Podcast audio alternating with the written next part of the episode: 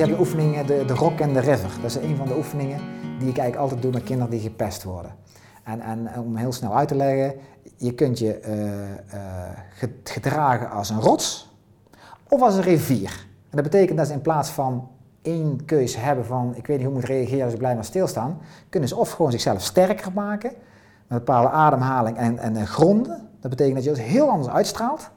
Voor de pestkop al heel anders, wacht even, wat gebeurt hier? En dan is er nog helemaal niks gezegd of gedaan. Of je kunt je gedragen als een rivier. Dat betekent dat je de energie die op je afkomt voorbij je kan laten gaan. Letterlijk, figuurlijk, maar gewoon... Ehm, ik merk als ik die oefening aan kinderen uitleg en, en, fysiek ook oefen, zelfs met, met een duwtje, dat je een, een tegen kunt laten zien van hé, ik, ik heb inborst. Of je zegt, oh, ik laat hem meegaan, maar ze hebben geen grip op mij en je draait eromheen. Ja. Die kinderen krijg ik eigenlijk nooit meer terug op coaching. Die, doordat allee, die oefening altijd doen, hebben ze keuze en dan in hun gedachten, als kinderen naar ze toe komen en er worden dingen gezegd, kunnen, kunnen zeggen, hier ben ik het niet mee eens. Hier kan ik mezelf even sterk van maken, ik ben die rots. Ja. En hier denk ik van, heeft geen zin, ik ben die rivier, laat maar even lekker langs me heen gaan, ik stap opzij. En als ze die twee opties kennen, dan kunnen ze die kiezen, welke kunnen ze toepassen. Ja, en zo zie je bijvoorbeeld uh, uh, kinderen die op judo zitten, maar bijvoorbeeld jiu-jitsu is een hele mooie uh, sport die veel met, met die bewegingen werkt om opzij te stappen. En dan de kracht die de tegenstander heeft, zelf te gebruiken om een bepaalde kant in te sturen, dan kun je ook mee woorden. Alleen dat stukje leren we, leren we niet op basisschool, leren we als ouders vaak niet. Ja. Dus dat zijn altijd als kinderen gepest worden en ze komen bij mij, dan, dan stuur ik die kant op. En de eerste oefening is de rock en de river. Dan gaan we samen even staan. Ja. En ervaren we het en dan uh, zie je dat het eigenlijk door heel eenvoudigs heel veel bijdraagt. Eerder in dit interview gaf je aan dat een hele effectieve oefening, je hebt hem een paar keer benoemd, de rock and the river is. Dus je geeft een gepest kind twee opties. Grond, sta stevig en krachtig en sterk als een rock, als een steen. Of ben de rivier en ben wat adaptiever en soepeler en laat niet alles tot je komen.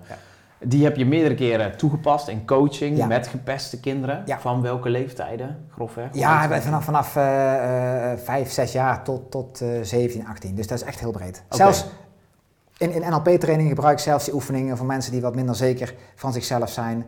En ook mensen die wel zeker van zichzelf zijn, die eigenlijk vaak te veel in de rots gaan staan, is ook niet handig altijd. Soms mag je even meegaan, ja, Soms, precies. zeker uh, met je kinderen. Um, dus om met zelfvertrouwen te doen toenemen. En ook gaf je daar net aan, als je dat toepast in coaching, dan komen ze niet snel daarna meer terug. En nou, daarvan nam ik aan, dan is hij dus zo effectief, het werkt. Ja, Oké. Ja, het, het, echt een oefening is denk ik een kwartiertje. Die, die is zo sterk om, om mensen te laten ervaren, of zeker pak even kinderen dan, hè, dat we met opvoeding bezig zijn. Zo sterk om die uh, uh, kinderen zelf laten ervaren hoe ze wat steviger kunnen staan, hoe ze wat meer kunnen gronden. Helder. Stralen zo'n andere dingen uit. En daar, dat, dat is echt een universele kracht. Als mensen zelfvertrouwen uitstralen, dan worden ze niet zo snel zakken gerold op straat of belaagd. Ja, het is heel hard om te zeggen, want dan zou ik bijna zeggen iemand uh, zijn eigen schuld uh, dat hij overvallen wordt. Nou, dan wil ik vooral niet die kant op. Nee, dat zou jouw woorden ga ik niet in. Daarom. Maar de vraag is, als dit zo effectief en krachtig is, waarom is het dan niet een basismodule in het onderwijs? Of waarom doet niet elke Nederlandse jongere dit? Omdat wij op onderwijs alleen maar richten eigenlijk op een diploma halen en een bepaalde richting in. En, en waarom krijgen wij eigenlijk geen communicatie op de basisschool? Waarom leren wij niet wat non-verbaal? Uh, voor, van 80, 70, 80 procent communiceren wij ook nou non-verbaal. Ja. Waarom is bijna alles een docent die auditief dingetjes vertelt, soms beeld erbij? Ja, ja. Om, omdat dat ja, nog niet in ons pakket zit. We hebben maar één ding vinden we belangrijk. En ik denk zeker die rock en die river. En als je een beetje een, een, een moderne sportdocent hebt, uh, heb je kans die, die zelf een achtergrond heeft in, uh, in budo-sporten bijvoorbeeld, dat hij het al toepast. Want het zou heel goed in lichamelijke opvoeding ook passen. Zeker. En, en ons onderwijs is vooral een theoretisch onderwijs. Want tegenwoordig, uh, ik weet niet hoe het nu is, maar zeg maar de hele gymnastiek is er ook uit. Wat je bij heel veel kleine kinderen ziet, is dat er gewoon een gebrek is aan, aan uh, motoriek, slechte motoriek. En wanneer je slechte motoriek hebt, wandel je ook niet uh, gebalanceerd door het leven. Wat je ziet is een groot deel van, van ons systeem is nog steeds geënt op, op het hoofd. En we brengen ons hoofd naar de collegezaal, we brengen ons hoofd naar het werk. en met ons hoofd communiceren we. En we vergeten dat eigenlijk 80% van onze lijven over en weer gaat. Hè. Dit gesprek gaat ook op onze woorden gaan, en dat hoef ik jou niet uit te leggen. En een deel gaat nog in de toon, zetting en ritme van de woorden die we gebruiken. Maar het grootste stuk gaat hoe ik zit ten opzichte van jou, hoe we elkaar voelen en doen. Ik snap ook niet waarom we dus op onderwijs de klik maken, binnen NLP noem je dat rapport maken.